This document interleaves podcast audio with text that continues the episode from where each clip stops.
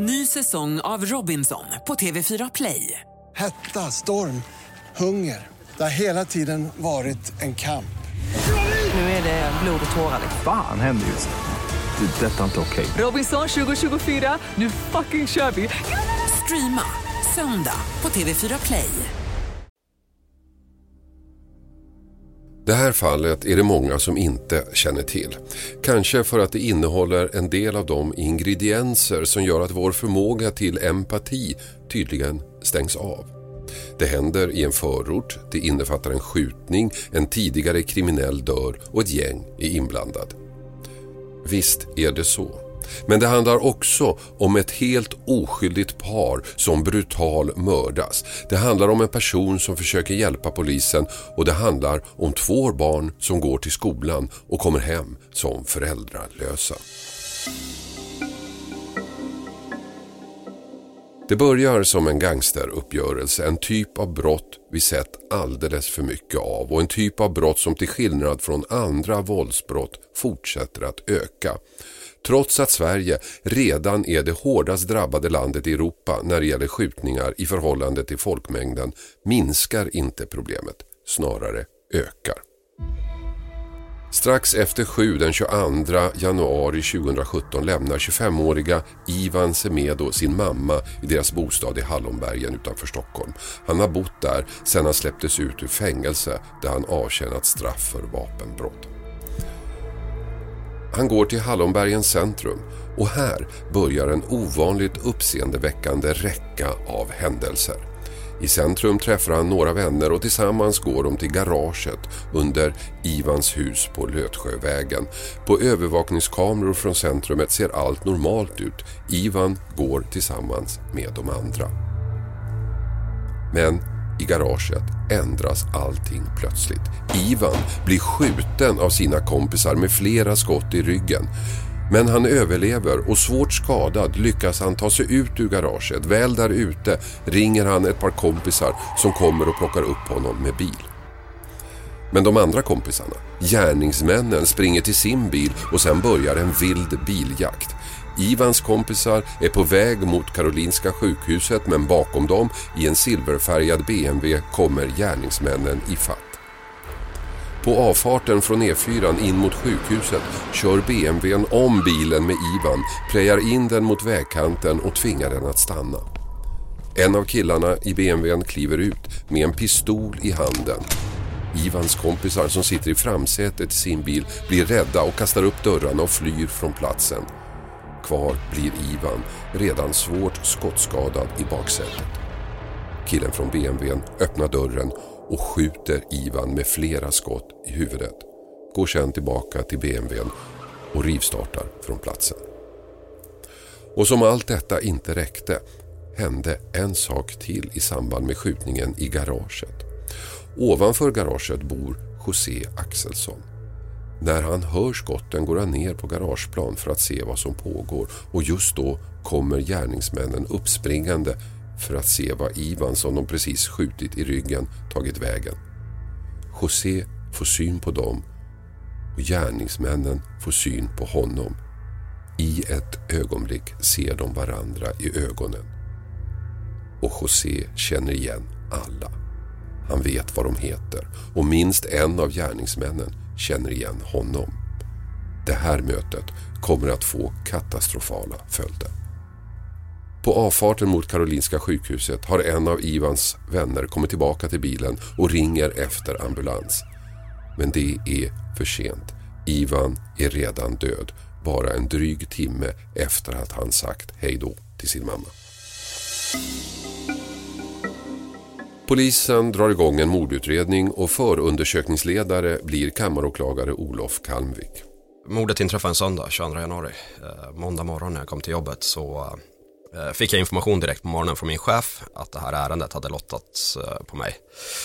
Och det man gör då är som i, i princip alla lite större ärenden, utan då, då, ringer man till den som handlägger ärendet inom polisen och sen bokar man in ett möte. Så vi hade ett möte ganska tidigt på, på måndag förmiddag med utredningsgruppen och uh, där vi la upp en, en, strategi för det här ärendet kan man säga. Mm. Får jag bara ställa en liten sidofråga där. När du får ett ärende lottat till dig så här och du drar igång direkt, betyder det att har du den tiden? Det betyder att andra ärenden försvinner eller har ni så att säga öppen tid? Vi, vi har ju, nu kommer jag inte ihåg exakt vid det här tillfället, men vi kanske har en 30 ärenden pågående förundersökningar på tjänsten, varav de är lite i olika stadier och man kan ha en 3-4 frihetsberövade ärenden. Så när man får in ett sånt här ärende så gäller det ju att prioritera att man, eh, att man ganska snabbt sätter sig in i ett sånt här ärende och då får ju andra ärenden eh, initialt liksom eh, hamna lite vid sidan om. Berätta om det här mötet då, vad fick du reda på där?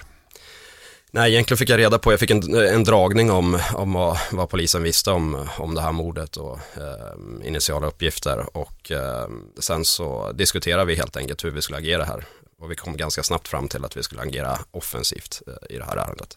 Mm, varför?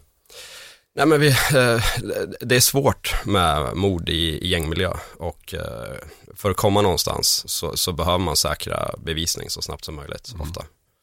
Men kan du berätta då, vad, vad, sa de till dig? Hur beskrev de liksom händelseförloppet? Alltså det som hade hänt och så som jag fick det beskrivet var ju att eh, vi hade en person, målsägaren då, eh, Ivan, som hade blivit skjuten i Eh, Hallonbergen ör och där var eh, platsen som han hade blivit skjuten på var, var inte helt känd utan någonstans i Hallonbergen ör. Och han hade då lyckats ta sig till en bil tillsammans med två stycken vänner till honom han kontaktar först en vän som i sin tur kontaktar en annan vän. Och sen åker de här tre personerna eh, mot Karolinska för att Ivan ska få vård.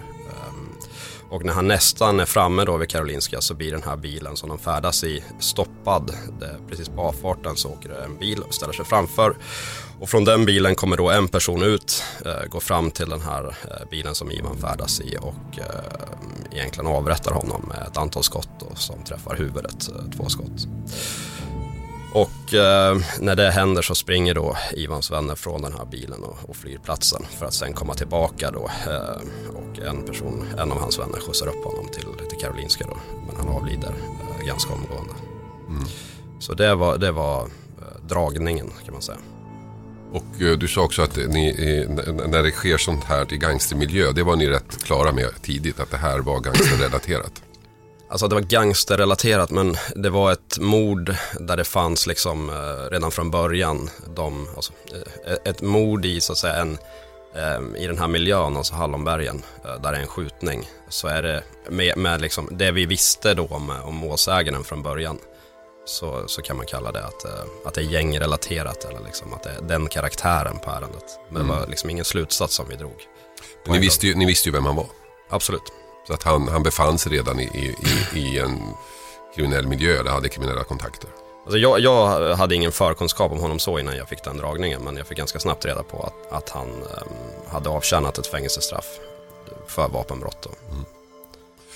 Vad gör man då i det här, när man har ett sånt här ärende? Hur, hur, börjar man? Ni vet vem han är så ni har redan en bild av honom, offret alltså. Men i övrigt, vad gör man? Berätta. Så man kan säga så här, vi hade ändå ganska bra ingångsvärden i det här ärendet. Eh, och eh, ibland har man inte så mycket att gå på. Här kunde man ganska snabbt konstatera att eh, eftersom han först hade blivit skjuten i Hallonbergen och det var den här transporten in mot Karolinska så hade ju någonstans hade ju brottsplanen gått fel. Och man hade misslyckats med den initiala brottsplanen.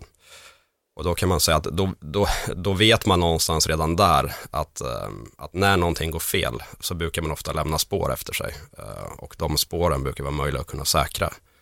Och dessutom så hade vi väldigt bra eh, utredare som jobbade i det här ärendet. Det var en, en bra PUG-organisation, polisen kallar det på det sättet. Eh, och eh, det fanns en bra resurs på grova brott i Solna.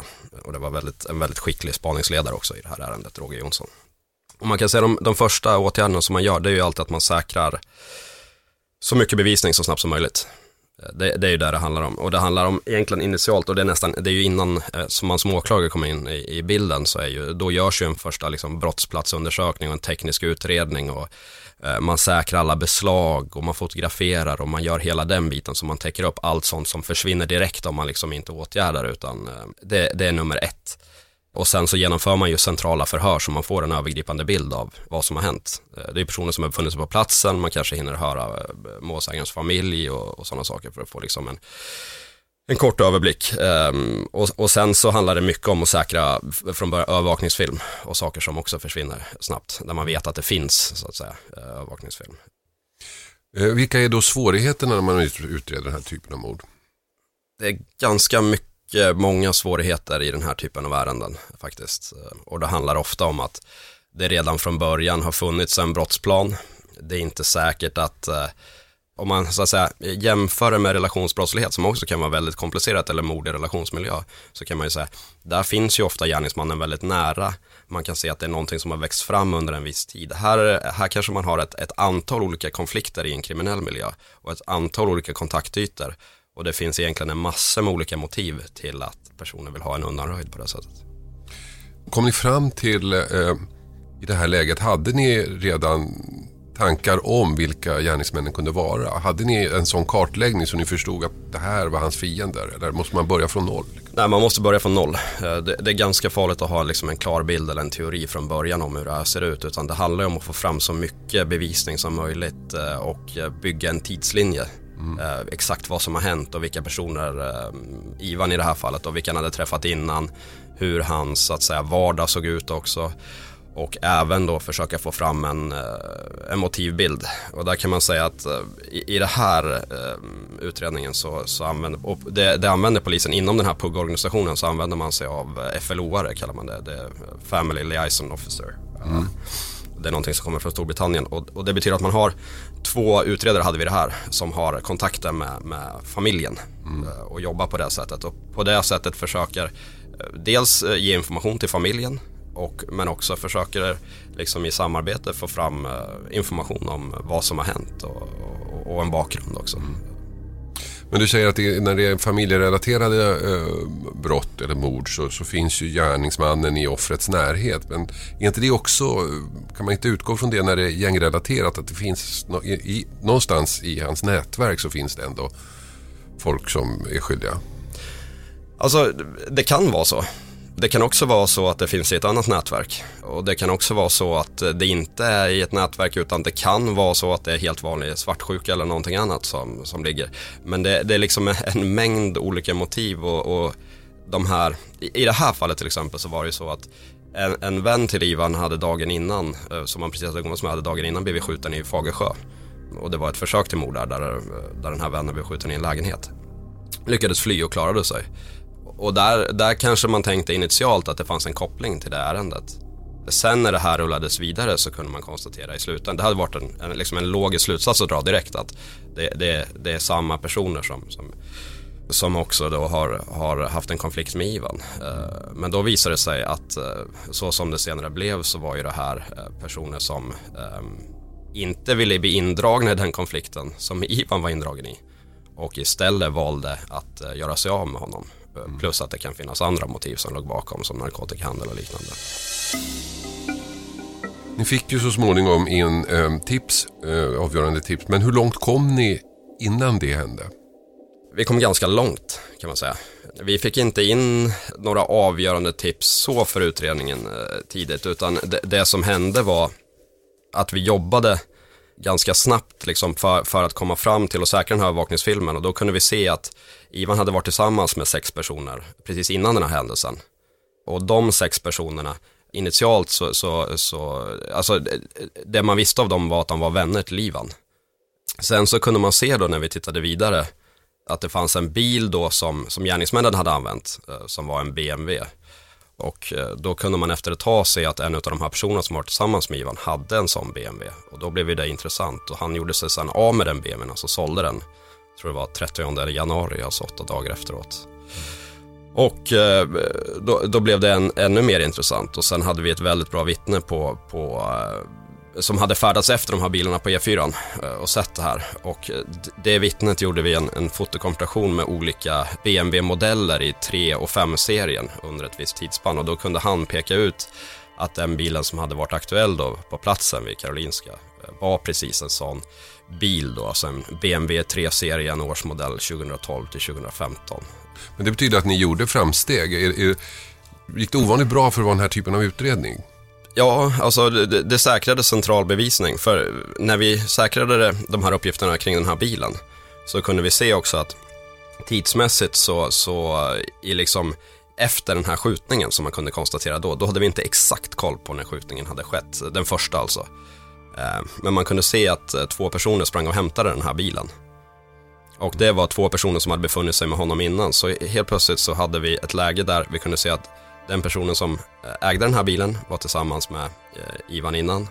Eh, två personer som hade varit tillsammans med honom innan sprang och hämtade den här bilen. Och vi visste att den bilen hade befunnit sig på brottsplatsen och att gärningsmannen hade kommit ut från den. Mm. Så det var ganska bra uppgifter och det var ju det som gjorde att vi sen ganska snabbt bestämde oss för att agera mot de här personerna. Och då gjorde vi så att då tog jag ett beslut om anhållande frånvaro på de här tre personerna. Mm. Och sen så gjorde vi också husrannsakan och säkrade telefoner och den bevisning vi kunde hitta hos de övriga eftersom de ändå kände Ivan och hade haft kontakt med honom precis i anslutning till den här eh, gärningen.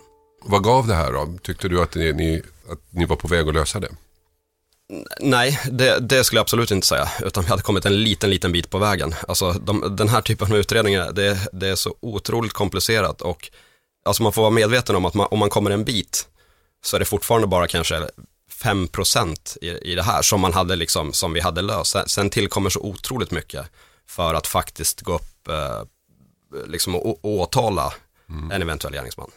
För ofta när man, människor utanför som jag hör talas om den här typen av utredningar så hör man att ingen pratar, eh, man kommer ingenstans, de bara brinner alltid ut i sanden. Men när jag hör dig berätta här så låter det som det ändå går framåt hela tiden. Det, det går framåt och jag tror att det där är en missuppfattning att ingen pratar. Alltså, man kan säga så här, om man befinner sig i en kriminell miljö och kanske känner en eventuell gärningsman, då kanske man inte pratar och då berättar man eh, kanske, eller ger inte eh, korrekt information. Men eh, vanliga personer som observerar saker i anslutning till brott, det är liksom är regel att, att vi får bra uppgifter. Så jag skulle säga att när, när man jobbar i, även i, i särskilt utsatta områden, eh, av typen Rinkeby och Tensta, eh, så, så, så, får man liksom in vittnesuppgifter som, man, som, är, som, är, som är bra eh, från början, mm. generellt sett. Ja, för att vara ett gangstermål gick utredningen framåt. Polisen hade en mängd uppgifter att bearbeta. Man hade också en lista på misstänkta. Vad utredarna däremot inte visste var att vittnet utanför garaget redan lämnat sina uppgifter om vilka han sett springa upp de som förmodligen skjutit Ivan.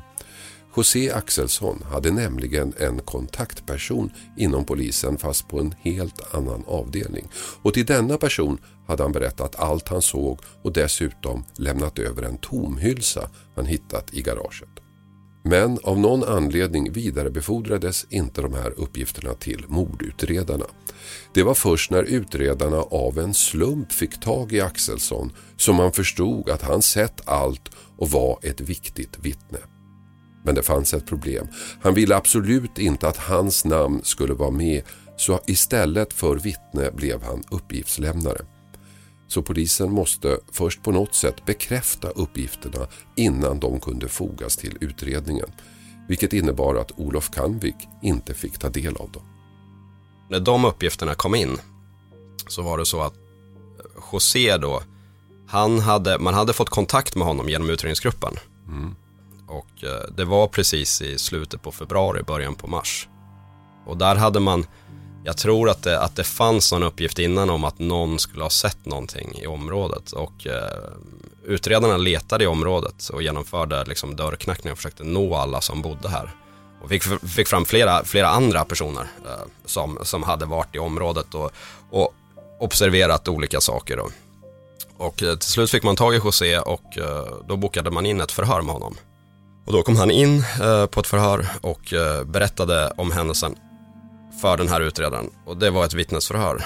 Och sen så då i samband med det så sa han också att jag har uppgifter som jag inte vill stå för i ett vittnesförhör. Och det var då han lämnade det här som, som, en, eh, som en uppgiftslämnare, alltså underrättelseuppgifter egentligen. Mm. Men de fick du alltså inte då? Nej, och de ska jag inte ha. Det, det är ju liksom, sen finns det vissa rutiner för det här och där kan man diskutera då hur man, hur man skulle ha gjort i den här eh, situationen och det, och det det är inte egentligen mitt jobb att göra det, men det man kan säga att underrättelseuppgifter, om, om underrättelseuppgifterna går till mig som åklagare och jag får en fråga, då, då, måste jag berätta vad jag känner till om, om de uppgifterna. Och det gör ju att det blir, man utsätter ju en uppgiftslämnare för fara på det sättet, utan en uppgiftslämnare som kommer in till polisen och säger att han är uppgiftslämnare och inte vill stå för de uppgifterna, då ska man behandla det som det. Annars finns ju en risk då att det här går ut till personer som den personen, att det går vidare till misstänkta personer. Mm. Eh, det blev ju en diskussion där om att eh, han hade lämnat de här uppgifterna tidigare till en annan person inom poliskåren. Eh, fick du reda på detta i, det här, i samband med det här eller var det någonting som du överhuvudtaget kände till? Ja, alltså båda de här uppgifterna, alltså efter att det här eh, dubbelmordet inträffar den 7 mars, då får ju jag reda på att eh, han har jämna, lämnat uppgifter utanför förundersökningen till en utredare eh, som jobbat i förundersökningen. Och sen så i samband med det får jag också reda på att han har lämnat uppgifter till en person som befinner sig utanför utredningen och inte har någonting med utredningen att göra. Hur reagerade du då? Alltså, jag reagerade inte på det, utan det, det, eller det är klart jag reagerade. Det jag reagerade var så här att eh, jag försökte ju säkra den här, de här uppgifterna, vad det var för uppgifter. Och det visade ju sen att han hade lämnat en, en hylsa som kom från då Lötsjögaraget. Från, från den pistolen då som hade använts vid den första skjutningen. Eh, Och eh, där ville jag så snabbt som möjligt säkra den hylsan och uppgifter runt omkring den här och sen så kunna använda den i förundersökningen då. Och öppet redovisa hur, hur den hade kommit in såklart. Om du hade fått de uppgifterna tidigare, hade du gjort någon skillnad? Alltså det, det är liksom, det var underrättelseuppgifter. Så det, det, det är liksom, man kan inte spekulera på det sättet om det hade gjort någon skillnad eller inte. Utan de underrättelseuppgifterna fanns och eh, det var underrättelseuppgifter. Sen hade man ju såklart liksom när det gäller det här vittnesförhöret önskat att man hade kunnat um, få de uppgifterna i ett vittnesförhör. Mm. Kan du berätta lite om, om, det här är ganska intressant, jag tror att många inte känner till det här, just det här med underrättelser. Och vad, kan du förklara, vad, vad, är det? Liksom? det, det är liksom komplext liksom, men det, det finns, eh, alltså man jobbar ju på ett, man jobbar i en förundersökning men sen kan man också jobba med, med underrättelseuppgifter och det är egentligen två olika saker. Eh, I vissa liksom, situationer kan man använda underrättelseuppgifter när de liksom är tvättade så att man inte ser vem de kommer ifrån och då benämner man dem på olika sätt, till exempel att det är en B2 som har ett visst bevisvärde då. Det kan man använda till exempel om man vill starta upp tvångsmedel mot en person. Men i en förundersökning som, som man går till åtal med, då använder man sig inte av underrättelseuppgifter på det sättet. För att?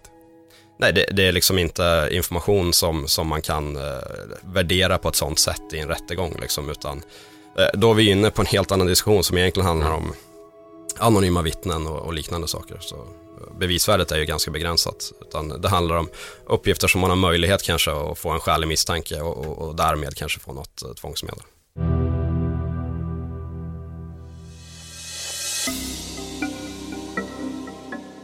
Även om åklagaren i det här läget inte fick ta del av uppgifterna var de oerhört värdefulla för utredningen. För även om José Axelsson själv inte ville vittna så var hans uppgifter avgörande för utredarna. Nu hade man namnen på förövarna. Nu kunde polisen koncentrera sina spaningar på dem. Nu kunde man leda utredningen i mål. Allt man behövde göra var att få uppgifterna bekräftade från något annat håll. Kunde i och för sig vara en besvärlig uppgift men absolut inte omöjlig. Mordet på Ivan Semedo var på väg att klaras upp. Men det är då det händer. Det ofattbara. Det som gör att fallet går från en alltför vanlig gangsteruppgörelse till en mänsklig tragedi av ofattbara mått. Det var ju inte bara José Axelsson som känt igen förövarna. De hade ju också känt igen honom. De visste att han sett dem. De visste att han kunde fälla dem. Det tänkte de inte tillåta. På morgonen den 7 mars ringer José Axelsson ett förtvivlat och desperat samtal till larmcentralen. De män han har pekat ut är på väg in i hans lägenhet. Han hinner säga namnen på dem innan han flyr från lägenheten med gärningsmännen efter sig. De hinner fatt honom på gården och där och då mitt på ljusa förmiddagen inför vittnen hugger de ihjäl José Axelsson. Men inte nog med det. I lägenheten dödar de även hans fru Elisabeth. Två mord och två barn är plötsligt föräldralösa. Två personer har dött efter våldsbrott under tisdagsmorgonen i Hallonbergen i Sundbybergs kommun strax utanför Stockholm. Skottlossning ska ha inträffat och ett stort polispådrag var på plats och polisen avlossade även skott för att avbryta pågående brott. Fyra personer har gripits i samband med händelsen.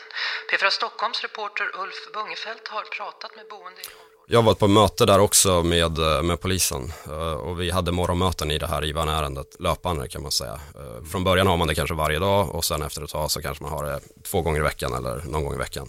Och det här var då efter sportlovet precis, så flera poliser har varit borta veckan innan. Och jag gick dit och vi hade en dragning och egentligen diskuterade då strategin hur vi skulle lägga upp det här och liksom hur vi skulle agera framöver då. Och där hade det kommit in, i det läget hade vi fått in positioneringar på två ytterligare personer. Så då hade vi, vi hade startat upp eh, avlyssning. Då hade vi börjat med 24 februari och 1 mars tror jag mot eh, två ytterligare personer. Så vi hade pågående hakar som vi kallar det. Och eh, vi diskuterade helt enkelt upplägget här. Och när vi gör det då, eller precis har börjat, så kommer en gruppchef in, Johan Rydvik, och berättar att, att vad man trodde då initialt så var det att man hade en gisslansituation. Där ett, ett vittne i, i vår utredning hade blivit knivhuggen och att eh, frun också var attackerad. Och eh, liksom initiala uppgifter att det här skedde utanför bostaden. Eh, och det, det, det utredarna gjorde var helt enkelt att eh, de åkte ut till Hallonbergen helt enkelt för att agera. Mm. Men när klarnade den här bilden för dig? Vad som hade hänt och, och, och, och, och att ni faktiskt hade folk gripna och sådana saker? Ja, jag fick löpande information då, för det, det var så att utredningsgruppen åkte ut och det kanske var 10-15 personer som satt med där eh, på platsen. Och de var ju också med, handläggaren i ärendet, Bertil Eliasson, var till exempel med och grep eh, en av de här gärningsmännen på platsen som stod då på gräsplanen precis eh, på vägen upp mot, mellan Hallonberg och Nör. Han hade tappat en sko då, det var han som som hade blivit, eh, eh, eh, polisen missar ju men de skjuter ju mot en person då och i samband med det tappar han en sko. Det var en väldig pang, det sa väldigt hårt pang. Och jag hörde liksom som bara ett skott. hemskt. Alltså, detta är någonting som jag kunde inte tänka mig att det skulle inträffa här.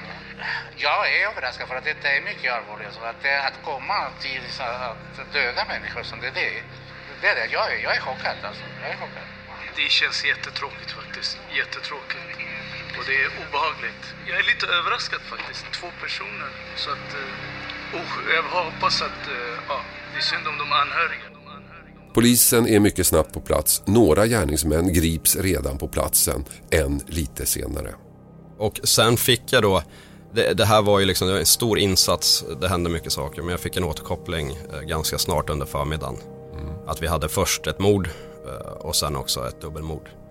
Och sen så fick jag ganska snabbt eh, det här larmsamtalet draget för mig. Eh, Och då förstod jag ju att det fanns en väldigt tydlig koppling. Mm. Det förstod du på en gång att det här är Ja, det är helt uppenbart. I och med att eh, José berättade på, på det sättet som han gjorde i det larmsamtalet så säger han helt enkelt att eh, det är för att de såg eh, hur de sköt Ivan här som de gör det här. Och så nämner han ju, eller namngav han två personer som var på platsen, eller deras smeknamn. Vad tänkte du då? Jag tänkte ganska omgående att, att det var extremt viktigt att vi, att vi gjorde en, en väldigt bra utredning och att vi säkrade all information som fanns då. Eh, Så det var det eh, egentligen att eh, det var en oerhört tragisk händelse och samtidigt så gällde det på något sätt då att tänka klart och kallt och helt enkelt inte göra några misstag. Det märkliga med den här attacken är ju att den är till synes helt oplanerad. Alla inblandade åker fast omedelbart. De ville tysta ett vittne för att klara sig undan en mordanklagelse, den på Ivan Semedo. Men istället blir det ju tvärtom. Alla åker fast och utredarna förstår att det här är killarna som mördade Semedo. Men ni hade ju då ett antal gripna eh, efter den här händelsen som greps på plats och det greps folk eh, omedelbart efter och så här också. Det känns ju som att när man betraktar det utifrån som att det gick ganska fort efter det här. Att det, när det här väl hade hänt så fick ni ganska fort klart för er vad som hade hänt och vilka som var skyldiga. Och att det också bilder tillbaks på, på mordet på Ivan. Att allting plötsligt klarnades upp. Klarades upp, var Ja. det så? Ja, alltså i, inte från början egentligen utan eh, men efter ett tag, man kan säga po- polisen i själva ingripande situationen i Hallonbergen i samband med, med dubbelmordet så gjorde de en, en, en väldigt bra insats där Eh, och det ledde till att man grep tre personer på plats. Alltså man, slog en, man slog en ring runt Hallonbergen och eh, då kom upp på olika sidor och på det sättet lyckades man gripa den gärningsmannen som flydde åt det ena hållet och sen gripa två gärningsmän som egentligen flydde mot andra hållet mot eh, Bergshöjden och Rissne. Och eh, det var liksom viktigt för, för utredningen och det gjorde att på de här tre personerna så säkrades ju kläder, blodspår och väldigt mycket material som sen blev helt avgörande. Sen hade vi en fjärde person. Vi fick ganska snart en klart bild att, att det skulle vara fyra personer. För vi hade mycket vittnesuppgifter från, från platsen. För det här skedde ju klockan nio på morgonen. I Hallonbergen. Juridiskt sett är de här två händelserna helt separata från varandra så det bedrivs två olika utredningar men eftersom allt ändå hör ihop samarbetar utredarna. Målet är ju att pröva alla fallen i samma rättegång. Det här att vi säkrade all den här tekniska bevisningen på platsen blev extremt viktig. Och det, det liksom, det gjorde att, redan, att, att vi hade ett väldigt bra läge där. Och sen gjorde NFC, brukar ju få ganska mycket kritik eh, och har fått det, men de gjorde ett eh, fantastiskt arbete i det här ärendet och analyserade extremt mycket material på kort tid. och vi hade Fredrik Bratt, då, eh, jag tror han är biträdande polisområdeschef i, i norr, tillsammans med Per Nikos, vår kammarchef, eh, skrev ett brev för att poängtera då vikten av att vi behövde den här eh, bevisningen analyserad. Det hade att göra med egentligen att, att vi hade två olika utredningar. Eh, och att vi behövde samköra dem i, den här rättegången. Så det var, det var liksom ganska komplext för att, att komma fram och vi behövde de här analyserna väldigt, väldigt omgående. Och det fick ni? Det fick vi. Och sen hade vi väldigt duktiga utredare från, det var ju grova brott i Solna som, som jobbade med Ivan-mordet och sen så hade vi regionen i, i Stockholm som sitter på eh, Kungsholmen. Extremt duktiga utredare som, som jobbade med det här ärendet. Eh, Och de hade också ett väldigt bra samarbete mellan de här utredningsgrupperna som, som verkligen ärendet gynnades av. Så polisen samarbetar väldigt bra med varandra och vi hade ett väldigt bra samarbete Eh, jag hade ett bra samarbete med. Så att rent, rent byråkratiskt, om jag får använda det uttrycket, så var det alltså två utredningar? Det var två helt separata utredningar. Med Men sen- två stora utredningsgrupper som, som jobbade frå, från den 7 mars då och egentligen löpande då fram till, ja, fram till domen i hovrätten kan man säga. Men i, i, när det väl kom till domstol så, så behandlades alla ärendena samtidigt? Ja, och det, det var ju det som var så viktigt för vi, alltså bevisläget var ju på det sättet att, att det här var, det här, det åtalades som en grovt övergrepp rättssak, eh, dubbelmordet. Och de blev också dömda för det och det var ju viktigt för oss att kunna visa att de här uppgifterna, att det var, och det var väsentliga uppgifter i Ivan-utredningen, vad José hade sett då i samband med det här, mm. med det här mordet på Ivan. I oktober börjar rättegången. Åtta män står åtalade, bland dem 21-åriga Fouad Saleh. Det är en omfattande utredning som åklagare Olof Kalmvik har att luta sig mot. De flesta döms enligt hans yrkande, men det går inte riktigt som han hoppats hela vägen. Vi hade ju vi hade jobbat så väldigt, väldigt mycket för att få en så bra rättegång som möjligt. Och, det, och polisen var med hela vägen, jobbade jättemycket med vittnena, vi hade en väldigt stor oro inför genomförandet av den här. Eh, vi var i säkerhetssalen i, i Stockholm och eh, vi hade en väldigt, väldigt lugn och bra rättegång där jag tycker att det här materialet kom fram på ett, eh, på ett väldigt bra sätt. Den som i media beskrivs som huvudmannen betedde sig bitvis märkligt. Egentligen inte under rättegången. Det handlade ju, alltså allt, allt är ju relativt liksom, men, men egentligen var det eh, uppgifter som kom fram under förundersökningen som hade att göra med, med ett förhör som, som hölls. Eh, en, en väldigt duktig förhörsledare som, som höll ett, ett väldigt bra förhör där vi fick intressant information. Och på grund av det förhöret då så lyckades vi säkra då eh, mordvapnen. Och eh, även narkotika och, och, och lite andra saker. Eh, och, och de fick en viss betydelse. Och det var ett långt förhör eh, på, på över fyra timmar. Och det, det kunde vi sedan använda i och med att eh, den här huvudmannen vill inte berätta de här sakerna igen. Och liksom påstår att han var då psykiskt påverkad när han berättade det Och liksom att han aldrig skulle berätta det i vanliga fall. Och, och, och så var det säkert. Men vi kunde spela upp det här, de här förhörsuppgifterna i och med att det avvek mot vad han sa i, i tingsrätten.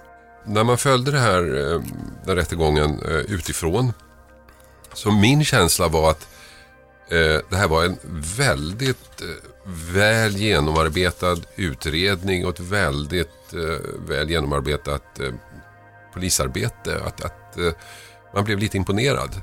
Eh, hur kände du för den här utredningen? Jag kände att vi hade lagt ner eh, väldigt, väldigt mycket arbete på den här utredningen. Och eh, från och med att vi satte oss ner och skrev åtalet så hade jag med mig en, en väldigt duktig kollega, Oskar Edvardsson. Så vi var två stycken eh, kammaråklagare som, som körde det här tillsammans. Och eh, vi, vi jobbade hade jobbat, jag hade jobbat redan väldigt mycket då med förundersökningarna tillsammans med polisen och vi hade väldigt duktiga handläggare och spaningsledare på de här ärendena. Och jag, jag tycker att det material som vi hade, man försöker alltid, en sak är att man får in massa material, sen ska man ju presentera det på ett sätt och sätta det liksom i en kontext som gör att det är förståeligt också för tingsrätten. Och man ska kunna presentera det under, under, under förhandlingen också. Och, och jag, jag, tycker att, eh, att det blev bra, det, det material som vi hade. Det blev det bästa möjliga på det materialet, tycker jag. Sen finns det alltid några saker som man skulle kunna gjort annorlunda och liksom eh, sådär. Hur, eh, hur kände du när domen kom? Jag, jag, känner, vi hade jobbat så otroligt hårt så länge. Det hade ju, det hade ju, jag tror att domen kom den 23 januari. Så det var ett år nästan exakt då efter första mordet. Och vi hade jobbat så otroligt mycket med det här ärendet. Så det var inte den där liksom det, det, var, vi fick en dom och vi var såklart nöjda med den domen att det blev, i, i stora drag blev det ju som vi hade yrkat. Så det var väldigt skönt. Sen var det här en sån, en sån händelse att det liksom, det var liksom inte som att det, det var liksom inga vinnare som gick från det här utan det var otroligt tragiskt. Alltså framförallt så var det ju tragiskt för, för målsägarna. Och där var det så att säga massor med omständigheter som gjorde att, att det här var, fick, fick väldigt stora konsekvenser för många personer. Eh, men sen var det ju också så att säga, det var, de här som var åtalade var ju inte heller, liksom, det var ju unga personer som hade suttit häktade väldigt länge och det, det fick ju väldigt stora konsekvenser för dem också såklart. Men eh, det har jag ofta funderat på, åklagare, när, när du jobbat med det här väldigt länge, sen, eh, sen är det domstol och det är väldigt hårt arbete och sen så väntar ni på dom och så kommer domen och ni får ett papper där det, där det, det visar sig att det ni yrkade i stort sett, det blev som ni ville att det skulle bli. Lägger man bara det pappret åt sidan och säger jaha och så går man hem?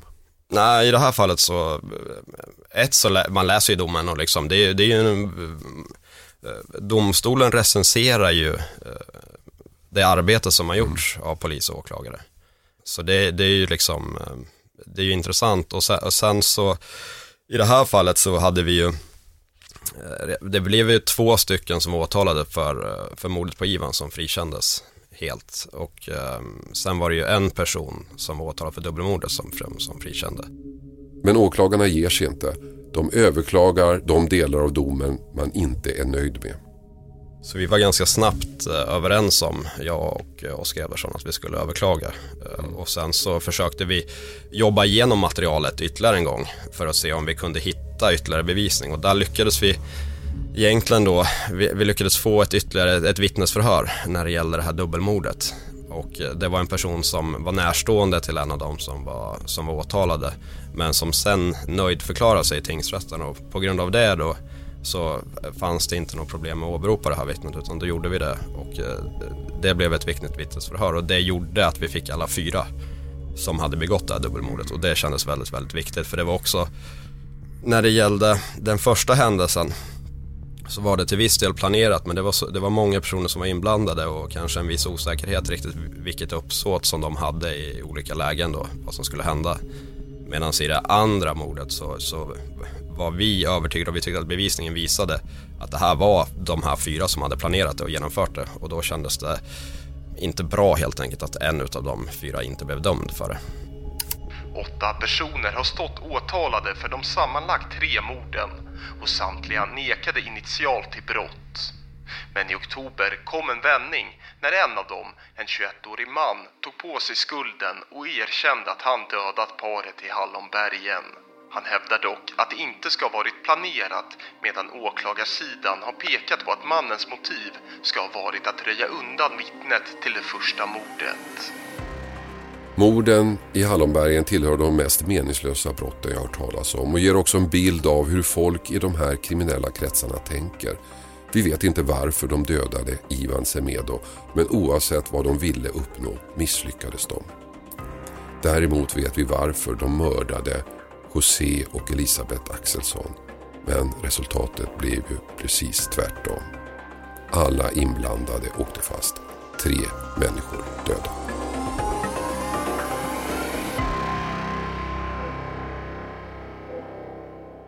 Berätta gärna om fallen jag aldrig glömmer för dina vänner så att fler får möjlighet att lyssna. Och har du förslag på fall som du vill att vi ska ta upp eller har du andra synpunkter, mejla då till fallen at ilikeradio.se. Och jag har några som jag gör den här podden med som jag vill tacka lite extra. Research och inspelning David Persson, ljudsättning Alexander Martyris och exekutiv producent Mattias Arvidsson. Nyhetsklippen i sändningen kommer från Sveriges Radio och Expressen TV. Och så till sist, missa inte Krimtorsdag på TV3. Efterlyst följt av en TV3-dokumentär om fallen ni aldrig glömmer. Produceras av I Like Radio. I like radio. Ny säsong av Robinson på TV4 Play. Hetta, storm, hunger. Det har hela tiden varit en kamp. Nu är det blod och tårar. Fan händer just nu. Det. är Detta är inte okej. Robinson 2024, nu fucking kör vi! Streama söndag på TV4 Play.